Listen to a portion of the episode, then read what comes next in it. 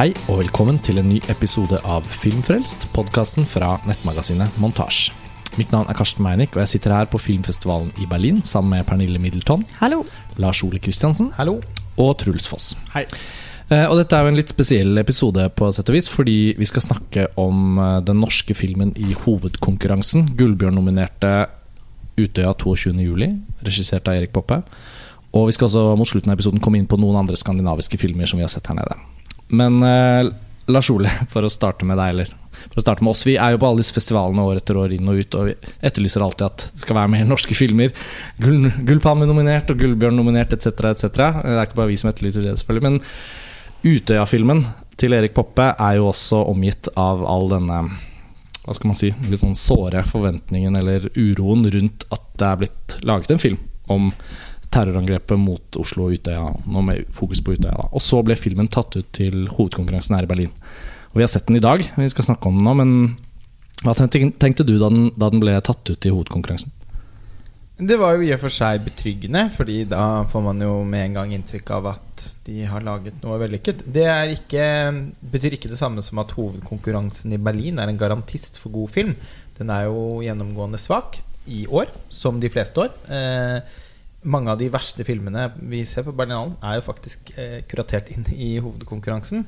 Eh, men når prosjektet er så spesielt og ladet, som du sier, med så mye både liksom nysgjerrighet og uro som, som Utøya 22. juli, så eh, blir man umiddelbart litt sånn. Bare av, for da skjønner man at ok, nå er dette en film som skal bli diskutert internasjonalt, og som Mm. skal eh, bli møtt eh, av kritikere og, og publikum. Et sted hvor den eh, har mulighet til å få den oppmerksomheten som den da man tenker at den forhåpentligvis fortjener. Og vi har jo i mange, mange år etterlyst at vi skal lage filmer i Norge som smeller litt hardere, eh, og som skaper noen Det har jo Vi har aldri opplevd eh, å se en norsk film på en stor internasjonal festival som skaper et eller annet sånn jordskjelv, eh, som, er polar, som er virkelig er polariserende, som gjør at noen føler seg eh, føler at de har vært utsatt for noe uakseptabelt i kinosalen, mens andre syns det er eh, eh, tvert imot eh, en, en film som ja, altså som utforsker filmmediet på en spennende måte, eller som nører opp noen følelser som man ikke har lyst til å ta på. De typer filmene lager vi jo gjennomgående ikke i Norge, og nå har faktisk Erik Poppe laget en sånn film. For det som har skjedd i dag, det er jo at filmen har hatt pressevisning, og den har hatt premiere. Og eh, mange av reaksjonene internasjonalt og blant eh, oss, da, norske kritikere og norske filmbransjefolk, har jo på en måte allerede skapt en sånn stemning hvor det diskuteres på forskjellige plan. Altså noen som virkelig misliker den, noen som virkelig elsker den. Og også perspektiver fra oss fra Norge, da, som leser inn hele, hele den forferdelige dagen 22.07.2011 inn i hvordan denne filmen er utformet og, og hva det er vi ser. Og jeg tenker bare hvis, Før vi begynner å diskutere den, så tenker jeg også skal skyte inn at vi kommer jo til å selvfølgelig ha en analyse av denne filmen eh, på montasje i spalten Analysen når den har premiere i begynnelsen av mars. Eh, men vi diskuterer jo den nå både som festivalfilm, men også fordi det er en veldig veldig spesiell film i norsk sammenheng. Og jeg vet ikke hvor vi skal begynne. Altså jeg tror, Truls, eh, Vi gruet oss alle egentlig veldig til å se denne filmen. Eh, og det går vel på at vi alle har en en frykt for å liksom bli utsatt for opplevelsen av 22. juli en gang til. Eh, hvordan var det for deg å se den i kveld på premieren? Eh, Jeg vurderte jo først å se den to ganger på pressevisning og så på premieren.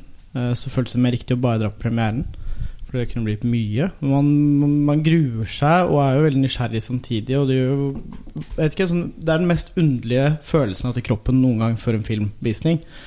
Og da jeg da fant ut at jeg også skulle sitte alene i kinosalen, så ble jeg enda litt mer stressa. Eh, opplevelsen Det var vanskelig å sitte og vurdere den som en film når jeg så den. Jeg synes, var liksom så i den og syntes den var så vondt. Og eh, på en eller annen måte godt også. Jeg, synes, jeg satt igjen med en følelse at jeg syns dette var en veldig viktig film at kom nå. Mm. Og jeg tenker at årsaken til at For det er jo noe av det som har vært mest debattert på forhånd. Er, er det for Trenger tidlig? Vi filmen, ja. Trenger vi filmen? Er den nødvendig? Er den for tidlig? Jeg, synes, jeg tenker at de verdiene som de ungdommene døde for, de er i hvert fall svekket i løpet av de årene som har gått I samfunnet for øvrig, og i Europa, ikke minst. Yes. Så eh, jeg tenker at filmen er godt timet. eh, når eh, fremveksten av høyreekstremisme er så påfallende som den er nå, så tenker jeg at det er mange som trengs å bli minnet på den dagen. Mm. Og, og, og hva for slags jævelskap som eh, ble utrettet i eh, en slags Ja, bak, en, eh, bak et skjold av ideologi. Mm. Så den eh, Jeg syns at timingen er god. Eh, jeg tenker at det kan bli litt mye. At det kommer så mange Utøya-filmer, TV-serier, på én gang. Det vil vi jo måle etter hvert som de kommer. Eh, Ja. Samtidig så, så, så, så syns ikke jeg det er så underlig at det er akkurat nå. Eh, det syns jeg er viktig å få sagt, og det syns jeg gjør Det bidrar også til å gjøre prosjektet Altså, det, det er ikke noe spekulativt over å, å velge å lage denne filmen, syns jeg. Det er det. Jeg aksepterer at mange kan være uenig i det, men jeg syns det er veldig åpenbart at, at prosjektet oppstår fordi man faktisk har lyst til å påminne publikum som ser den, om hva den dagen var for noe. Er jo tydelig at Erik Poppe har eh, hatt en veldig respektfull og på en måte gjennomtenkt eh, approach til hvordan dette kunne bli en film, og hva det var fokuset kom til å ligge på. Og fokuset i filmen er jo på ungdommene. Eh, Pernille, eh, når vi, for å komplettere runden her, da. Eh, hvordan var det for deg å, å se den filmen i dag? Nei, altså Jeg har gledet meg veldig til å se den helt siden jeg hørte at den skulle være med i, i konkurranseprogrammet. eh, og egentlig gledet meg hver dag helt til dagen. Nå har jeg, jeg har gått rundt og vært litt sånn shaky over at vi skulle se den, fordi nå, Mm. nå skjer det plutselig. Mm. Uh, og det er en utrolig hard sit-through gjennom hele filmen. Og jeg er veldig enig med Truls at det er, det er rett og slett vanskelig å, å bedømme den som en film. Uh, og jeg, jeg bare klarte ikke å sitte der og tenke over eller bedømme eventuelle eh, filmatiske svakheter og sånne ting. Eh, jeg er utrolig glad for at den ikke er lenger. Fordi man er så anspent. Jeg var varm, og jeg gråt. Og det var rett og slett en av de vondeste filmopplevelsene jeg noen gang har hatt. Eh, og det kommer fra en som ikke har et nært forhold til hendelsen i seg selv. Uh, jeg kjente ingen som var der, og ingen som hadde noen nære som var der. Heldigvis. Altså, jeg følte meg veldig heldig, selvfølgelig. Og, men måten den er utført på, gjør at du blir altså, så tatt med inn, og du føler så mange ganger at du er med og er en del av det. Og ja, da blir det plutselig ekstremt close to home, da. Selv om du ikke har et nært forhold til det fra før. Ja, og jeg føler eh, eh, Jeg så den jo da på morgenvisningen, så jeg har da sett den to ganger i dag. Og det var ikke fordi jeg hadde så behov for å utsette meg for den opplevelsen to ganger. Men jeg syns jo også det var viktig å forsøke å bruke muligheten til å se den en gang til, til å se om jeg kunne få, vurd- få en form for vurderingsposisjon i forhold til filmen som film. For det eneste jeg klarte å si etter den morgenvisningen, var at jeg har ikke Jeg har det ikke i meg til å ta en kjapp eh, stilling eller mene noe. Eh, og de første par twittermeldingene Twitter-meldingene fra noen internasjonale kritikere som jeg syns var ganske forferdelig dårlige observasjoner da, om filmen. Det bare ble jeg litt sånn, vet du hva. Dette er faktisk en film som ryster på en litt annen måte. Men eh, det var litt annerledes på andre visningen. Men eh, Truls, jeg tenker på dette formgrepet også. eh, hvis vi skulle kommet litt inn på filmen, hvordan den er, hvordan er utformet. En ting er jo at det fokuserer på ungdommene, men det er også noen sånn filmspråklige valg som blir tatt her. Ja. Um, den, er jo, den er jo på en måte skutt flere, Det er vel skutt flere one takes, og så er de klippet sammen så det skal føles som en one take. Mm. Så man føler man er igjennom de Er det 72 minutter? Mm. 75 minutter Fra han begynte ja, 72 minutter fra han begynte å skyte. Han begynner å skyte til Mm. politiet kommer. Og det, det tilfører jo det at man føler faktisk på hvor lenge det her er, for det er utrolig lenge å sitte gjennom det. Filmen føles vanvittig lang. Ja, Mm. den er Altså, de vel Ikke på en dårlig måte, men- så, Nei, nei, det er en kvalitet for filmen, selvfølgelig. Men altså, de minuttene går så langsomt at uh, man Det grepet evner jo da å liksom fange eh, tyngden av de minuttene. Og et annet grep i filmen så jeg ble veldig letta over, det var at eh, Og nå, det er ikke sånn at jeg trodde at Erik Poppe skulle forherlige liksom Utøya-campen i det starten, da før det begynner å skje ting, men at det var så nedpå. Det var så troverdig som en camp med ungdommer som hang rundt, litt småkrangling. En søster som var med. De skulle spise noen vafler. Og det var liksom ikke bare den der super gladstemningen. Det var Mm. liksom skittent og regna litt, og det var sånn, folk var litt slitne også. Og Man fikk litt inntrykk at dette var den dokumentariske kvaliteten kom litt ekstra fram i det. Og på en måte kvaliteten at det var såpass nedpå, selv om det ikke ble liksom for dokumentarisk. Mm. De Det klipper liksom ikke fra at de sitter og synger allsang i solskinn. Nei, men det kommenteres at uh, spille gitar og redde verden.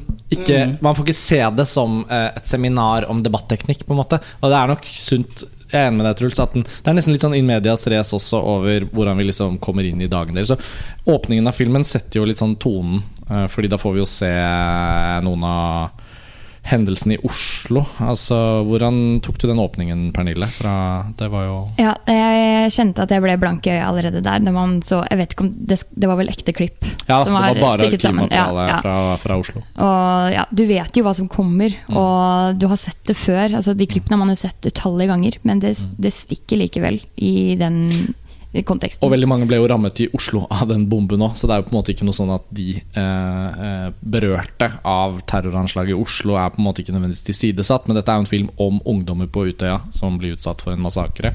Men den åpningen i Oslo spiller jo en viktig rolle for å sette rammen, da. Det gjør den helt sånn effektivt og greit, tenker jeg. Eh, Så, men når vi beveger oss til Utøya, så er det et veldig sånn spesielt grep med en gang, som i hvert fall gjorde at jeg Og det vet jeg du gjorde, Pernille, følte at Ja. oi, dette ble en bra film. Ja, for det starter med at hun hovedrolleinnehaveren, som er helt fantastisk spilt av nykommeren Andrea Berntsen, som vi ikke har hørt om før, uh, ser inn i kamera, og så sier hun dere kommer ikke til å forstå. Dere vil ikke forstå det her. Og så tror vi på en måte at hun henvender seg til oss. Uh, og så er det, åh, det er så utrolig kult grep. Og så snur hun, seg, snur hun litt på seg, så ser vi at hun har en sånn uh, ørepropp i, i øret, og at hun er i telefonen, da. Med, med mammaen sin. Ja, med mammaen sin. For som ringer og forteller om og liksom, Det har gått av en bombe i Oslo, hvordan går det med Hvem er det som har gjort dette her? da?» Ja, nå må du ikke bare tro på alt du sier. Eller på Jeg er på en øy, jeg er på det tryggeste Ja. stedet.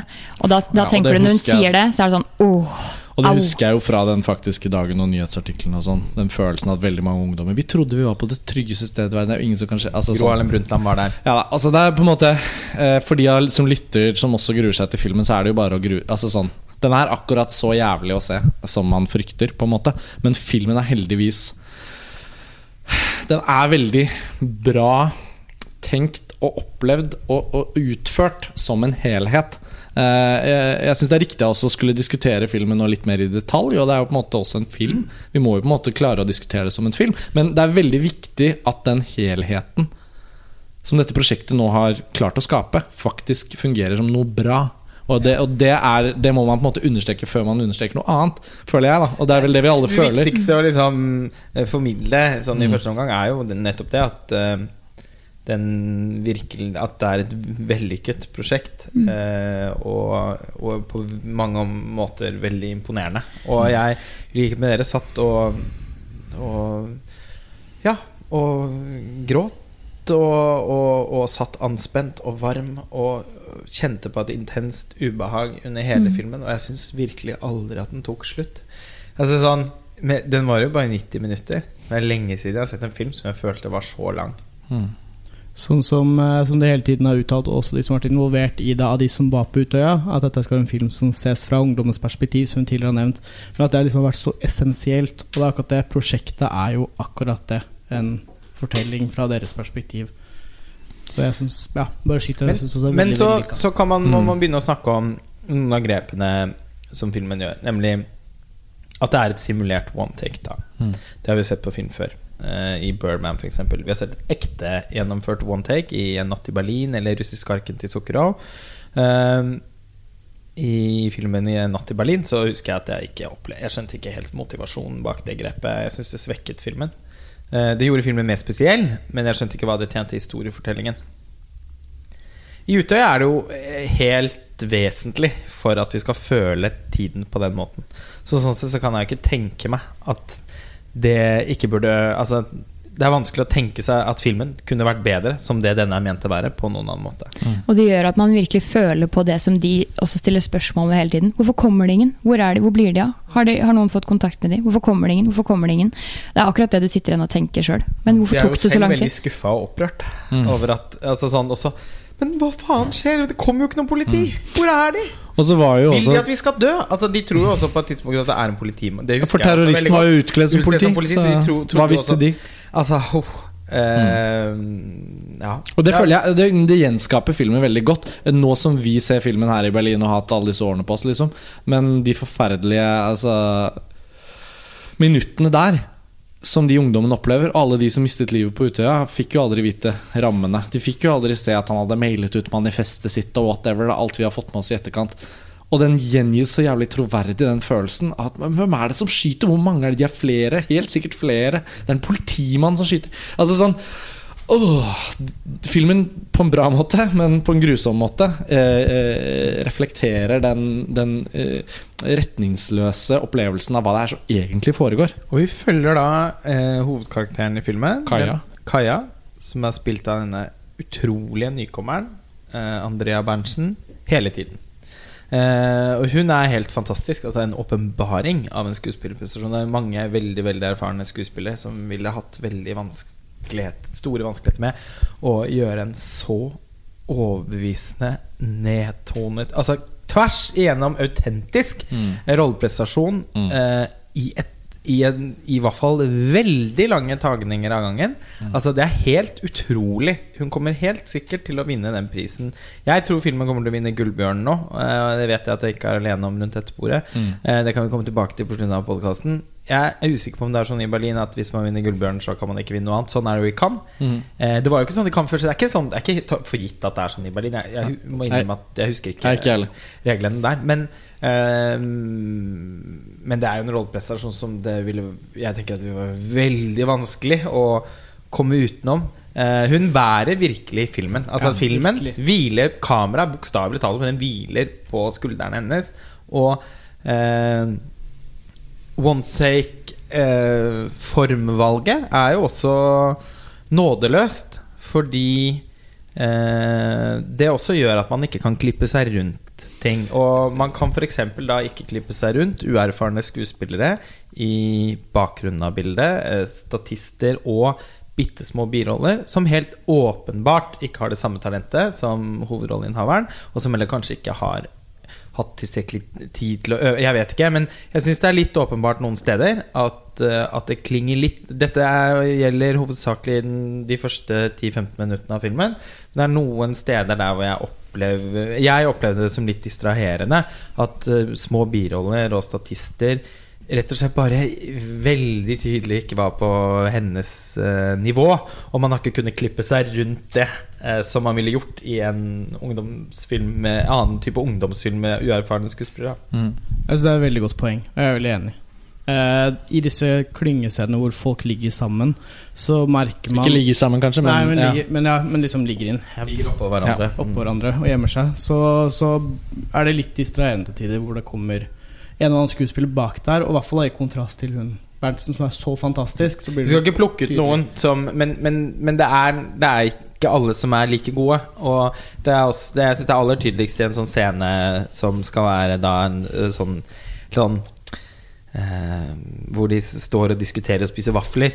Lang scene. Eh, veldig tidlig i filmen, før, før eh, Ja. Før vi hører de første begynner. skuddene, rett og slett. Ja. Og eh, hvor de diskuterer litt sånn eh, ja, spø På en spøkefull måte diskuterer litt politikk og hverandres holdninger. Og det er noe litt sånn on the nose over den scenen, syns jeg. Eh, men jeg har ikke vanskeligheter for å tro på at det var veldig mange sånne type samtaler som fant sted på Utøya. Så det har jeg ikke noe problem med. Man glemmer jo litt den delen også, når det først bryter løs. Tenker man ikke så mye over det lenger. I hvert fall ikke jeg, da. Nei, nei, nei altså, jeg, jeg synes sånn, Det er ikke noe sånn rammer ikke helheten. Nei, nei, jeg synes ikke det, det er viktig Og det viktige her er helheten Men jeg synes det er verdt å nevne At uh, one take uh, Valget om å ha one take-formen eh, Du må akseptere noen konsekvenser. Ja, den har også noen konsekvenser da som, som jeg synes kommer mest til syne i de scenene der For der er det også noen åpenbart uerfarne Og kanskje heller ikke sånn slående talentfulle Akkurat nå i hvert fall Unge skuespillere som, som får litt plass Uh, og så er det ett element til med one take-valget som jeg tenker at det er verdt å stille spørsmålstegn ved. Og det er at her har man gjort kamera uh, Det er veldig sånn at det følger etter hovedpersonen. Og noen ganger så ligger hun ganske langt foran kamera, så det er nesten sånn kamera tar seg en pust i bakken, og så rusher for å mm, ta henne igjen. Ja, men Noen ganger så føles også kameraet litt som en egen person. For det hender jo at den går litt til side og titter opp gjennom noen busker, og på en måte du føler at du at, ja, du stikker litt ut til siden. da Og, ja, Og det at det er deg At det er deg som ser at du Ja, og det er det, er det jeg syns er både interessant og potensielt litt problematisk. At det, eh, jeg syns det er ganske tydelig en del steder at kameraet virker som et point of view. Og da blir man litt nysgjerrig på hva det er ment å uttrykke. Er det ment at, er det ment at vi ikke skal tenke på det? Da syns jeg i så fall det kunne vært gjort på en litt annen måte. Særlig for i en scene på slutten her, så må kameraet ta seg ned i et sånt kratt.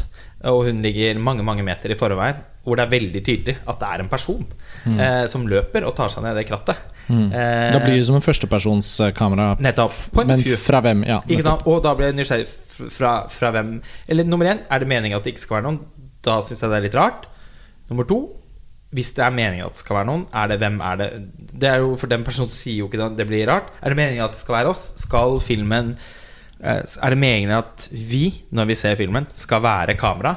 Eh, på en måte eh, Som en slags stum eh, deltaker i situasjonen. Eh, det er klart at da nærmer man seg en sånn simulator aktig greie, som er mer problematisk, og som jeg regner med at er noe av det en del av de internasjonale kritikerne har reagert på.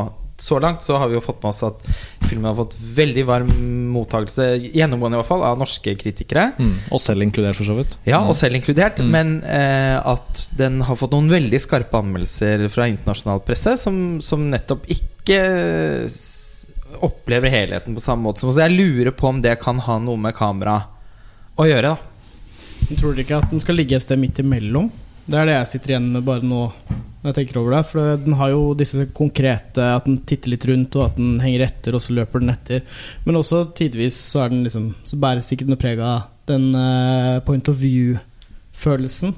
Så jeg tenker bare at Det er som vi går inn og ut av et point of view, Ja, på en måte. Men hva er det det skal bety, da? ja, Det aner jeg ikke. Jeg tror at vi må akseptere at denne filmens på en måte, tilblivelsesprosess da, Det virtuose over å i det hele tatt forsøke å skyte den sånn som de har gjort. Antakeligvis har de skutt hele filmen i én tagning av gangen. Og så når den er sydd sammen med noen skjulte klipp, så er det for å hente ut det beste av partier. Uh, og det eh, Det viktigste er at den gir den følelsen av at det er én tagning. Og det er det eneste som betyr noe sånn sett. Men konsekvensene har de på en måte akseptert. Og jeg tenker jo at det, det er litt sånn røffe og upolerte eh, fremprovoserer noen sånne små ujevnheter. Men fordi helheten fungerer så bra, så er på en måte den eh, konsekvensen verdt å ta. Ja. Og, og, og, og det Det som er greit, føler jeg, eh, eller det som man ikke rykker seg vekk av, er at kameraet er rett bak henne. Det er jo det som er moduset nesten hele veien. Og så er det for så vidt også greit for meg når det er helt sånn kaotisk, når det er noe forferdelig som skjer, noe grusomt, og kameraet nærmest blir helt sånn bare superhåndholdt og ustødig og sånn. Så de små rykkene er jo da når kameraet enten havner for langt bak, som du poengterte, Lars Ole, eller når det på en måte får, egen, får sitt eget bevegelsesmønster. Som liksom ikke helt kommer fra noe sted. Eh, og det er klart, filmen hadde vært mer perfekt hvis den hadde fått til å ikke falle på de små tuene der, da. Men heldigvis så er jo på en måte filmen også en så vanskelig film å få til. Altså å lage den første filmen om ut... Altså sånn det at de i det hele tatt får det til. Ja, man blir, ja, men, er jo mener, nok. Man blir ærefryktig overfor filmen eh, fordi at den er så gjennomgående vellykket og imponerende. Så det blir jo på en måte små bare noen små detaljer. Men jeg syns det er viktig å kunne Ja, ha lov til å kommentere det. Men Truls, eh, vi vet at du også må videre i Berlinale-løypa nå, eh, før episoden er ferdig. Så i og med at du skal få lov, å, få lov å løpe videre, så er det kanskje noe, er det noen avsluttende ting du har lyst til å si om din opplevelse av um, Erik Poppes film? Eh, har egentlig ikke så mye mer å tilføye. Jeg syns det var veldig vellykka som det, den, som det det er. Ja. Jeg syns den måte gjorde det den skulle. Og vi vet jo også at det er Vi har nettopp sett den, og vi Ja. vet alle at vi på en måte ideelt sett skulle fått latt den synke enda litt mer inn. Ja, så det er litt det er vanskelig film å snakke om nå. Ja, og det er en ærlig sak, og det, og, det, og, og det er noe med å se hele filmen som også gjør at man får en sånn ærefryktighet overfor alle de som syns det er enda vanskeligere å se denne filmen. For en ting er at vi syns det er vanskelig, men jeg tenker på alle de som på en eller annen måte har vært berørt. Jeg er som deg, Pernille. Jeg hadde heldigvis heller ikke noen venner eller kjente, eller til og med via via, eh, på Utøya. Så sånn sett så var det jo på en måte det å være i Oslo og høre det smellet og lure på hva som hadde skjedd, som er på en måte 22. juli. Og så selvfølgelig hele det nasjonale traumet vi alle opplevde, da. Men, um, men det er jo noen som kommer til å synes det har vært enda vanskeligere å se denne filmen. Så Ja, altså, Så man det- kan jo si at på en film, en del av i den settingen som vi er i nå, på nå skal Truls filmfestival få i lov å dra Berlin videre. Takk for meg. Ha Ja, Ja, ja. det bra. Uh, altså, I den settingen vi er i i- her nå, i Berlin, på film, internasjonal filmfestival, så er jo vi som nordmenn Så føler jo vi oss litt sånn samlet på en eller annen måte Mm. når vi går og ser denne filmen her. Og tenker at for oss er denne filmen annerledes enn for de andre som skal se den. Men øh, sånn vil det jo ikke være hjemme. Fordi der vil man eh, Der vil det være alles film. Mm. Og, og man vil ha ulike innganger til, Mm. å, til å oppleve den. Og jeg har stor forståelse for de som har gitt uttrykk for at de ikke har lyst til å se den. Mm. Eh, ja, selvfølgelig. Det vil nok være veldig mange som ikke orker det, og det er helt forståelig. Men alt i alt så syns jeg at den er At Erik Poppa har på en måte lagd den med såpass dyp respekt, og han har gjort det på en så rettferdig måte som, som ville vært mulig, da.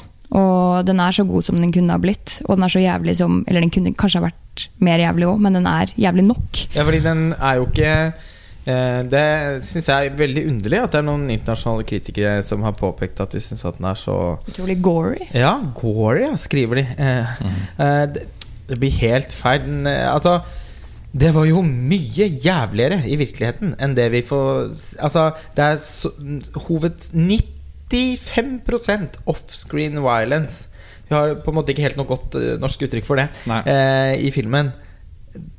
Når hovedkarakteren kommer over noen eh, Skuddsår, på en måte. Ikke sant? Ja. Så får vi se det. Ja. Men, Men det er ikke mye. ikke mye. Han, det, jeg, jeg, had, jeg hadde også på Jeg, altså, jeg syns Poppe har funnet en veldig god balanse. Men jeg må innrømme at jeg hadde ikke hatt ehm, Men der, der skjønner jeg at man er forskjellig. Men jeg hadde ikke vært provosert av hvis det var med, enda litt mer, f.eks. Nei, og det er jo ganske åpenbart at han på en måte vektlegger mer det følelsesmessige aspektet ved det, Yes. framfor det visuelle. Og det er et veldig riktig valg. Han gjør jo nesten bare riktig valg, syns jeg, som filmskaper, når han tar for seg et så vanskelig På en måte så vanskelig film å lage, men også en vanskelig tematikk. Og også egentlig vanskelig å lage den filmen, på en måte rent sånn teknisk. Ja. Eh, Det er jo en men- utrolig men er utro- prestasjon å, å få til de kjempe nådeløst lange tagningene Mm. med amatørskuespillere. Eh, på bare noen få dager Ja, da, som de ja. jobbet Men- eh, Men for å komme litt tilbake til den internasjonale mottakelsen, som jeg tenker er en bra også bit for oss å trekke inn, sånn at vi også kan kommentere på det, det er jo for eksempel, altså En av de finere reaksjonene i dag var en amerikansk kritiker fra IndieWire, David Ehrlich. Eh, lytterne kan gjerne gå inn på hans Twitter-side og se på noen av de kommentarene han kom med. For han var jo også veldig opptatt av at eh, det amerikanske debattklimaet rundt vold i virkeligheten vold på film. Fem dager siden en skoleskyting i Florida, eksempelvis. Det er jo så mange av dem der borte at for dem er det sikkert litt sånn ja, Den i Las Vegas, på en måte, som var helt sinnssykt jævlig, den har de litt sånn glemt. Eh, de har selvfølgelig ikke glemt den, men det blir jo litt sånn lett å å se at de num, det blir numment for dem å forholde seg til virkelighetens vold. Eh, Og så er det noe med kinovolden, og han trakk fram det at liksom dette er en film som faktisk kan påminne oss om at den ekte volden er helt forferdelig grusom. Istedenfor at filmvolden skal bli så normalisert. Da. Men eh, han trakk jo også frem at eh, de, han gikk i debatt med et par andre som hadde noen forferdelige, usympatiske synes jeg, da, reaksjoner på filmen. Hvor han også påpekte at Men har dere ikke sett United 93? Har dere ikke sett Uh, Son of Soul? Har dere ikke sett uh, Elephant? har dere ikke sett Elephant av Gus Van Sant? Altså, dette er jo ikke første gangen noen forsøker å gjengi en virkelig hendelse med så realistiske filmspråklige virkemidler som mulig. Og eh, de eksemplene er jo også eksempler som er store, anerkjente filmer. Altså Elephant, gullpalmevinner. United 93, den, kanskje den beste filmen eh, som ble laget om 11.9. I, i det vinduet. 25th Hour av Spike Lee er egentlig den beste filmen om 11.9. Men Enig. men, men også, altså jeg må innrømme at jeg tenkte en del på den Son of Saul. Uh, uten å sammenligne holocaust nødvendigvis med Utøya, men det syns jeg litt man kan nå. Og den var jo på samme måte en sånn klaustrofobisk, eh, tett film som fulgte én persons bevegelser gjennom et et marerittlandskap av død og, og grusomheter. Sånn at eh, noen av de internasjonale reaksjonene har jo også vært litt patetiske det øyet. Og, og det siste jeg vil si om det, er liksom Ta 30 sekunder av åpningen av Saving Private Ryan. Altså Det er mer gore på en liten bit av den. Og Det er jo en veldig gory krigsfilm, så det er jo ikke det at den er sånn vanlig. Den er jo ganske ekstrem.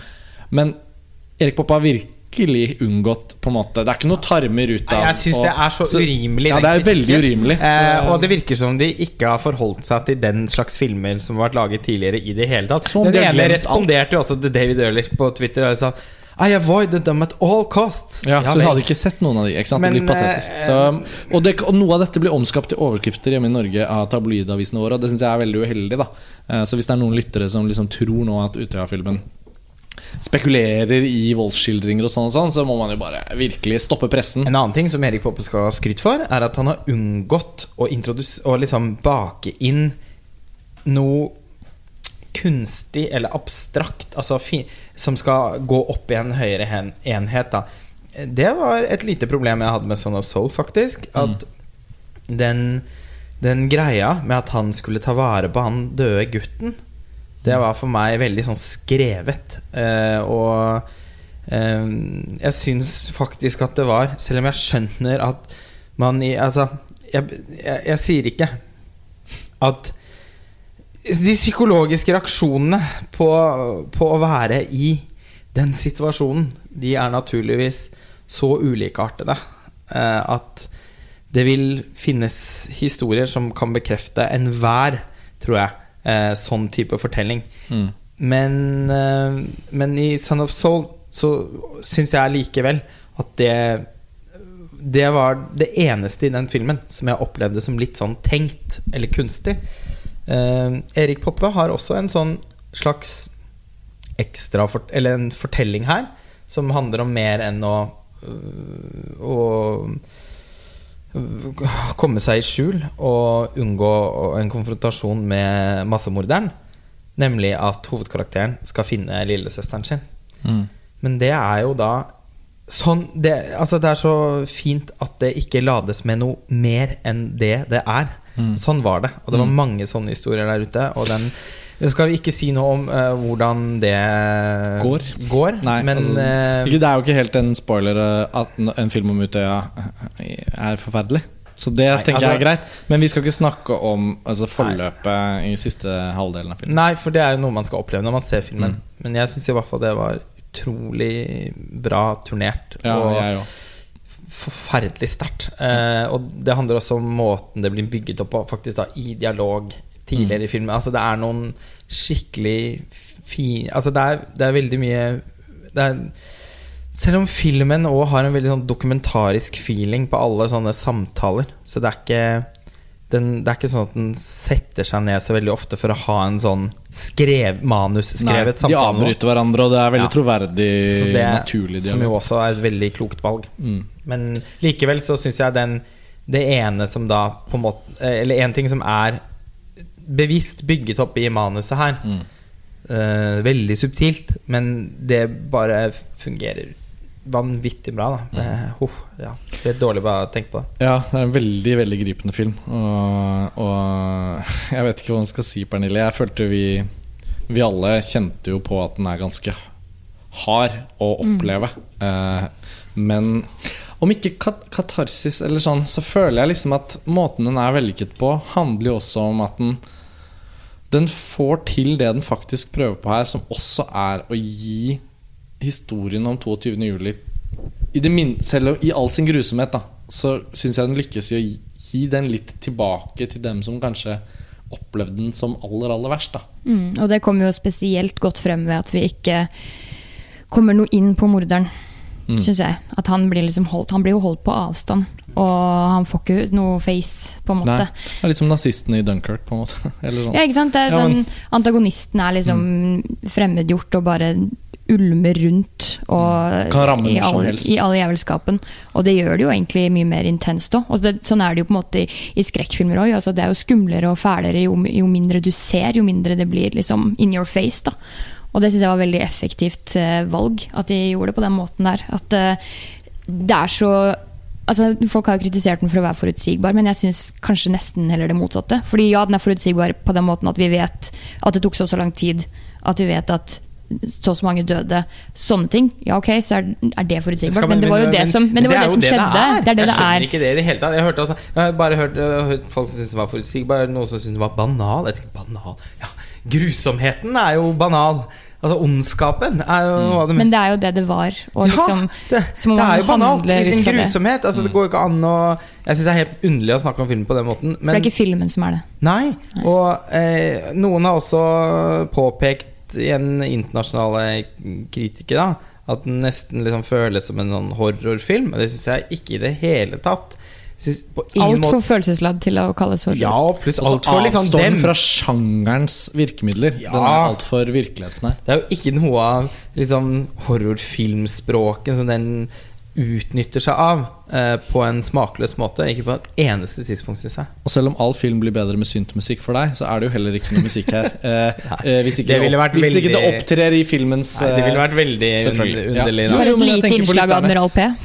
Jo, jo, men ikke sant, ikke sant tidsriktig eh, En hit fra den Diegetisk Diagetisk musikk som Ja. spilles i film, selvfølgelig. Ja, Bare ja, fint. Men, og det blir sunget en sang på et tidspunkt. Mm. Eh, det har vi, kunne vi også lese om i avisene den gangen. At det var noen av de som sang for hverandre for å roe hverandre ned. Ah, det oh, Og eh, men en grunn kanskje da til at det har vært lettere for oss som er norske, da til å tappe inn på noen sider av filmen, kan også handle om at den bruker jo veldig lite energi på eh, bakgrunnshistorie. Sette opp et rammeverk for hvordan man skal forstå hendelsene på Utøya og sånn. Den er jo ikke laget på en måte da, hermetegn for et verdenspublikum. Jeg føler filmen er veldig sånn Den er egentlig på en måte laget nesten sånn at hvis ingen gikk og så den, så hadde det også vært greit. Men da har vi i det minste dokumentert gjennom hva fiksjonen kan gjøre, at det var noen ungdommer som opplevde disse tingene, og det er denne filmen konsentrert på. Og hvis ikke dere har lyst til å gå og se det på kino, så er det også greit, men da vet dere at dere har filmen der. Og for et internasjonalt publikum så er det kommet kommentarer på visse ting. Hvorpå jeg føler vi alle husker at det var sant. At det skjedde. At, hun, at det, det synges en sang, og det var noe vi husker fra nyhetssang. Og så når noen da kommenterer bare sånn Well, it's uh, And when there's a song, it feels like it's a cliché. Er bare sånn ah, Det er så liksom eh, kjipt å føle på den ubalansen. da Fordi man kan ikke si at de tar feil når de da på en måte ikke har Vi vet ikke vi, hvordan vi ville opplevd Nei. det hvis det var eh, Ja, hvis filmen var rumensk og handlet om en massakre der som Mm. vi kanskje bare husker litt fra media for seks-sju år siden. Det er vanskelig å sette seg inn i. Det er jo Men filmen er laget på en måte også for, for Norge. Ja, det var det jeg Eh, følte at var men- viktig å poengtere. Men igjen, så det at den har fått denne plassen her i hovedkonkurransen i Berlin, gjør at den også uh, får en internasjonal oppmerksomhet. Jeg syns virkelig den fortjener. Og eh, at ulike kritikere og publikummere i forskjellige land og med ulike forhold til den hendelsen reagerer forskjellig på filmen og vurderer den kunstnerisk ut fra sine forutsetninger, det må på en måte være greit. Altså. Mm, men, det, men, men, jeg det, men man blir jo litt provosert selvfølgelig når, det, når man opplever at det er noen observasjoner som bare er corny. Mm. Og det er sikkert flere internasjonale kritikere som vil reagere på at det er mangel på backstory. At på måte, du blir ikke ordentlig kjent med karakteren. Og, men vi kan jo argumentere for at det er jo kanskje heller viktig, da. Fordi Poppa har jo presisert at dette skal ikke være basert på ekte personer. Det, være, altså det er på en måte løst basert på eh, detaljer og enkeltting. Og det er på en måte en samlet historie om de som var der. Og jeg syns det var utrolig fint at vi ikke kom nærmere inn under huden på noen av dem sånn enkeltvis, egentlig. Vi vet ikke så mye om dem, fordi det skal Folk skal ikke sitte der i det norske publikum og kjenne igjen folk, sånn på Mm. en, enkeltvis, da. Så jeg syns det var veldig bra. Og det gjelder for voldsskildringen òg. Altså, volden i denne filmen er allestedsnærværende fra det punkt hvor han begynner å skyte, men mesteparten av volden er noe eh, hovedpersonen må forestille seg at skjer, fordi hun hører så mange skudd. Og når det, når det kommer tett på, så er det jo egentlig mest i korte glimt. Og det er sannsynligvis også en, en på en måte ganske sann refleksjon rundt hva som skjedde der. At alle ville jo helst unngå de skuddene, åpenbart. Sånn at det å oppleve og overleve på Utøya var sannsynligvis også tett knyttet til at man så og hørte og så konsekvensene av de skuddene. I like stor grad som at man faktisk sto ansikt til ansikt på en måte da med terroristen. Eh, Så, så det at filmen ikke tar den derre Vi husker jo noen av de mest kjente og verste bitene av en forferdelig hendelse i seg selv. pumpehuset, hvor liksom sikkert 15-20 ungdommer husker jeg ikke detalj, i detaljene hadde gjemt seg, og alle ble skutt i vannkanten. Scene hvor terroristen sa at det er politiet, bare kom ut. Og så?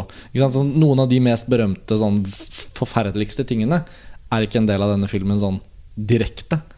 Men det at opplevelsen Vi er kommer på de Ja, nettopp. Sånn det er jo noe vi fyller inn også, så ja. Ehm, men jeg tror altså, jeg, det, ja. det jeg syns også er verdt å si før vi eh, runder av, eh, at eh, det er også en scene i filmen som Vi var jo da Du var jo på pressevisning også, Karsten, men vi var sammen på denne mm, premierevis, offisielle premierevisningen. Og det var særlig én scene der hvor man kunne merke at eh, salen reagerte veldig. Og det er jo en scene hvor hun Maja, da Kaja eh, kommer over en person som er veldig hardt skadd, skutt i ryggen. Forferdelige våpen. Han brukte jo ikke sånn vanlige kuler heller. Eh, terroristen hadde jo valgt en type ammunisjon som hadde en Eksplosiv ja, effekt. som, som veldig voldsom skade umiddelbart. Og hun sitter der og tror oppriktig at hun skal klare å holde liv i denne personen til det skal komme noen og hjelpe dem. Og minuttene tikker og går. Og det går jo Det går ikke.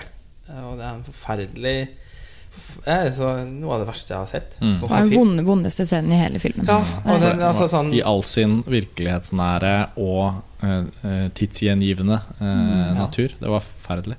Og den var så lang, Mm. og den var så sånn Den hadde noen detaljer som gjorde at man Den skilte seg også fra en del på en måte lignende scener vi har sett i andre filmer.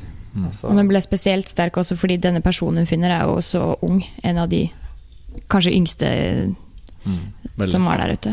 Veldig bra spilt òg. Jeg husker ikke navnet hennes. Men det er jevnt over, da, så er jo med med noen unntak, som vi har kommet inn på. Og det er jo for så vidt forståelig at filmen ikke kan treffe på alle disse ungdommene. Og det sånn. jeg Så det vi på men det er fint å nevne, Fordi det er viktig å kunne snakke om denne filmen som film òg. Men sånn som noen av de viktigste bifigurene da er jo veldig veldig bra spilt. Jeg syns både lillesøsteren og hun som ikke har et navn i filmen, men som ligger der og er såret, um, gjør en utrolig jobb. Uh, sånn at ja, Vi skal liksom avslutte Utøyapraten også, fordi at det er på en måte også grenser for hvor mye vi klarer å si om denne filmen i dag. Eh, Men eh, eh, de norske anmeldelsene til nå som vi har sett i, i kveld, har jo vært overveldende positive. Og jeg tror vi kan med trygghet si at denne filmens helhetlige prosjekt har vært såpass vellykket at vi ikke står overfor en sånn eh, Ja, en kontrovers rundt filmens utforming.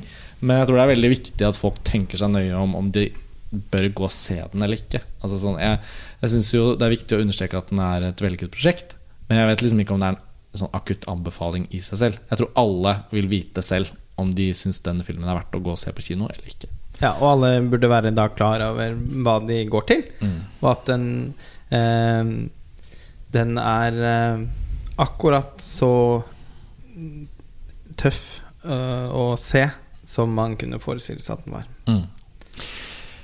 Eh, Vi sa jo innledningsvis at vi også skal snakke om et par andre skandinaviske filmer i Berlin. Um, Jeg tenker at vi utsetter det. Ja, jeg kjente også eh, Kanskje vi bare skal si oss enig i det. Selv om det var ideen, så kjente jeg også at å snakke seg gjennom denne eh, Ja. Utøya-filmen faktisk tømte meg litt. eh, for ja, samme her.